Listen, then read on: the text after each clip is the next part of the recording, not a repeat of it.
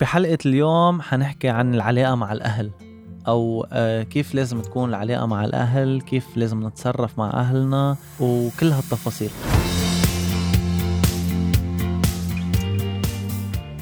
دايما بنسمع عبارات كتير قاسية من شباب ومن بنات إنه أهلي ما بيفهموني أهلي ما بيعملوا اعتبار لرأيي أهلي موضة قديمة وما بيمشوا مع جيلنا أهلي مش ديمقراطية بيفرضوا رأيهم وسلطتهم وما فينا نقول لهم لا لأنه هن بيصرفوا علينا.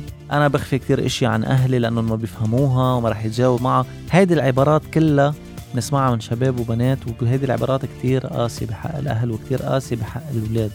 هيدي العبارات بتجي من قلة التواصل ومن ضعف العلاقة بين الأهل والأولاد. مع إنه أهلنا كانوا نفس الشيء يقولوا عن أهلهم فالمفروض يتفهموا هالشي. كنت قايل قبل عن قاعدة كونية وهي التغير. كل شيء متغير أو كل شيء بيتغير وهيدا نحن وهيدا الدنيا كله بيتغير والمفروض نتأقلم مع التغير ونتفهمه. يعني لازم الأهل يوقفوا يعاملوا أولادهم كأنهم أطفال هون الغلط. الأولاد عندهم حرية شخصية لازم يمارسوها ولنحل هيدي المشكلة لازم نبني جسور تواصل بيننا وبين أهلنا. مين مثلي مآمن إنه حتى أهلنا لهم معنا مصلحة؟ أنا برأيي هيدا شيء آه، حقيقة. هيدا شيء فاكت مين بفكر إنه كل شيء بيطلبوه منا بيطلبوه كرمالهم مش كرمالنا أه تعالوا تنحكي شوي بعقلانية. من أول ما نخلق من أول ما نخلق بيحطوا لنا براسنا إنه ما نسب وما نكب شي بالطريق وما نغلط مع الأكبر منا وإلى ما هنالك. ليش بيقولوا لنا هيك برأيكم؟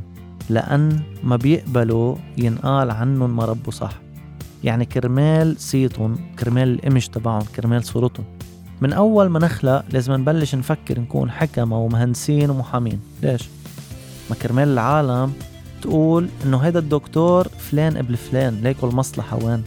مشان بس يسألوا العالم ابنكم شو عامل بيقولوا له حكيم بيرفعوا راسهم هيدي مش مصلحة شخصية؟ أكيد هيدي مصلحة شخصية. هيدي منفعة للأهل. بيضلوا يكبرونا ويعلمونا وبيضلوا ينفخوا فينا لبالآخر يقولوا لنا مين بكرة بده يقوم فينا؟ تخيلوا تخيلوا التفكير قديش. مين بكرة بده يكون حدنا بكبرتنا؟ يا جماعة كل هول حكيناهم هن مصالح للأهل.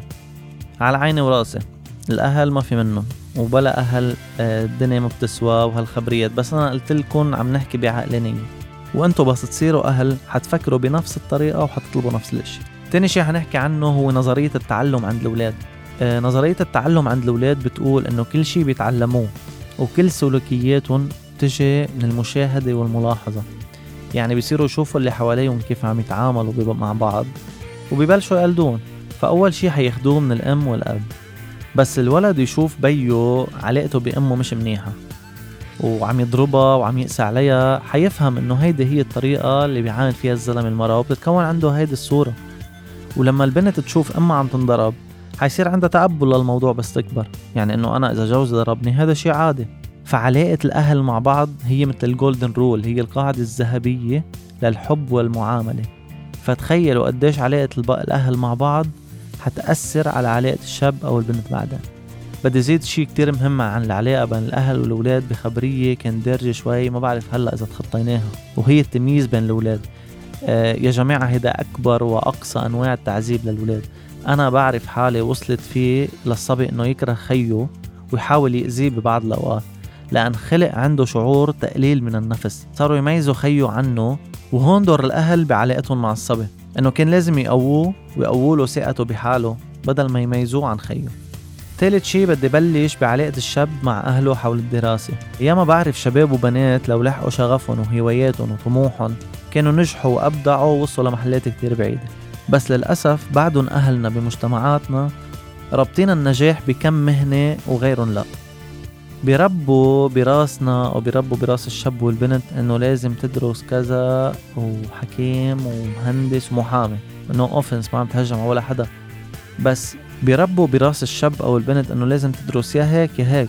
وبيأثروا على كل هيدا الموضوع ليلبوا مصالحهم الشخصية بينما بيكون الشاب أو البنت آه عندهم شغف وطموح بشي تاني ما فيهم يعملوه من وراء أهلهم.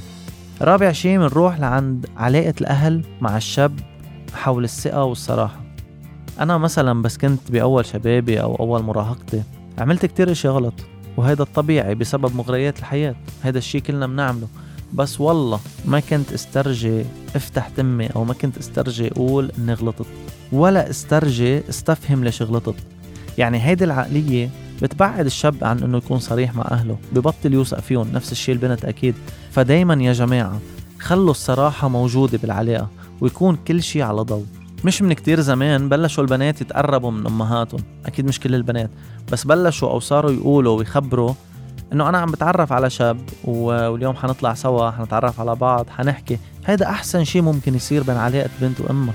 تخيلوا قديش بتقوى الثقة بين هيدي البنت وهيدي الأم ولأي مرحلة بتوصل. بتصير الأم عارفة بنتها وين شو عم تعمل وفيها تسألها وتكون حدها إذا عازت أي نصيحة. وبتصير البنت بنفس الوقت تقدر الثقة اللي أخذتها وبتخفف أغلاط. هيدا الشيء كتير مهم إنه نوجده بعلاقة الأهل والأولاد. هلأ بننقل لموضوع كتير مهم وقالل هالأيام هو الاحترام. بتحس إنه بطل في عيب عند الناس بطل في احترام للأهل. ليكو شو المحترم كتير قليل ليغلط المحترم كتير قليل ليكذب المحترم كتير قليل ليجرح فمجرد كانت علاقتنا مع أهلنا مبنية على الاحترام مستحيل يصير زعل. زيادة على ذلك نحن مع الغربة دايما نلبس الأقنعة تبعنا ومنمثل ومنغير من أطباعنا لحتى شوي نتأقلم مع الموضوع أو مع المحيط. ومنبين أقوى. بس هيدا الشي ما في منه بالعيلة. أنت بعيلتك بتكون على طبيعتك بتكون عم تغلط وعم تضعف. والأهل بحبوك وهذا اللي بيميز العيلة. وعلى هالأساس لازم نبني علاقتنا مع أهلنا. آخر شي بدي أقلكن إياه استنتجته بعد ما كبرت أكيد. دايما اضحكوا بوجبيكم دايما اضحكوا بوجبيكم بس يرجع على البيت لأنه العالم الخارجي كتير بشع وكتير قاسي. الأم بتحملك ببطنه تسع شهور بس الأب بيحملك باقي العمر وما بتحس. وفي شي أنا بقوله دايما الأم لا تقدر بثمن والأب لا يكرره الزمن.